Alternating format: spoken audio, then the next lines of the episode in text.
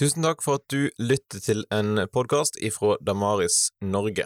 Her får du en andakt som Bjørn Hinderaker har laga for eh, programserien Over en åpen bibel for Norea Mediemisjon.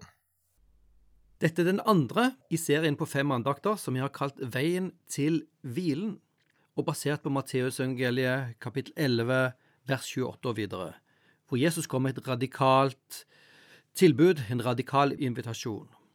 Jesus sier der, Kom til meg, alle dere som strever å bære tunge byrder, og jeg vil gi dere hvile.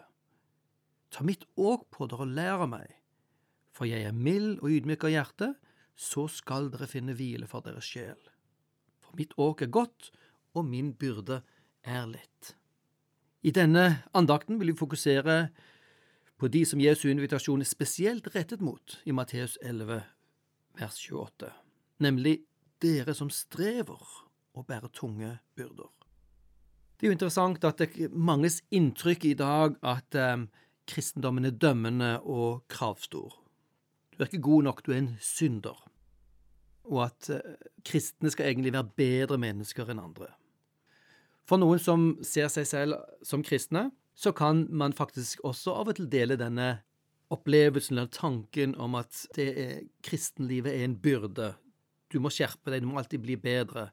Gud har større krav til deg. Og dermed så kan kristen tro bli en, en ond sirkel av dårlig samvittighet, føle seg som dårlige mennesker, og oppleves som en konstant byrde.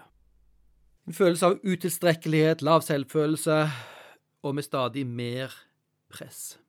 Og når vi lever i vår tid, så snakker man om ungdommen som generasjon perfekt, med helt urimelige krav til både utseende og prestasjoner, hvor man blir konstant vurdert av andre, ikke minst på sosiale medier, og får knust og utfordret bildet av seg selv stadig. Og det er jo da interessant når Jesus inviterer så kommer han ikke si 'kom og slit deg mer ut'. Jesu invitasjon er en invitasjon til de som strever og bærer tunge byrder, til å få hvile. Jesus kom ikke til jorden for å si 'ta det enda mer sammen'.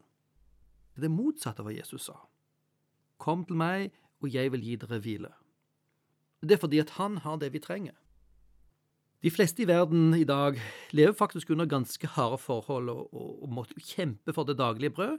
Sånn var det også på Jesu tid, hvor de fleste var bønder og måtte kjempe da for det daglige brød. I tillegg kom disse skattene, som gjorde livet ganske så vanskelig.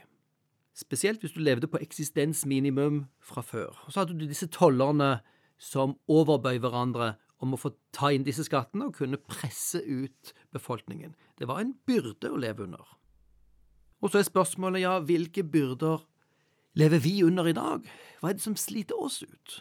Jo, for mange noen av oss er det økonomi. Hvordan skal det gå med arbeidet mitt? Vi har nettopp vært gjennom en periode med oppsigelser, og det er en kjempebelastning å være bekymret for arbeidsplassen sin.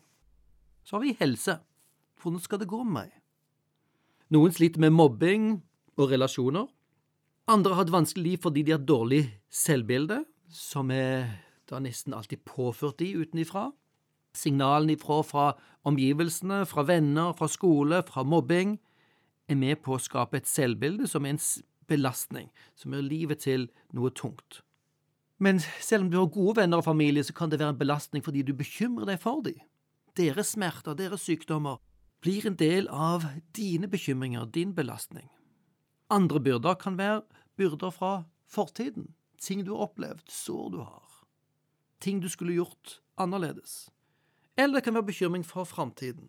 Vi vet ikke hva framtiden vil bringe. Eller vår siste fiende, døden. For det er slik at livet var aldri ment at vi skulle bære alene. Det er for stort for oss.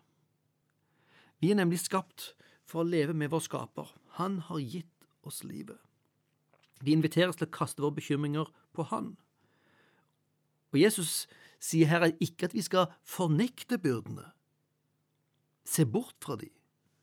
Nei, han inviterer oss til å se de i øynene, sette navn på de, invitere han inn i våre liv og la Han få være med og bære de for oss. Det er å kjenne Jesus og si ja til å invitere Han inn i livet, og da blir Han med og bærer deg gjennom livet. Så kommer neste spørsmålet, ja, men hvordan skal jeg få oppleve denne hvilen? Og da må du vente med å høre om til neste andakt.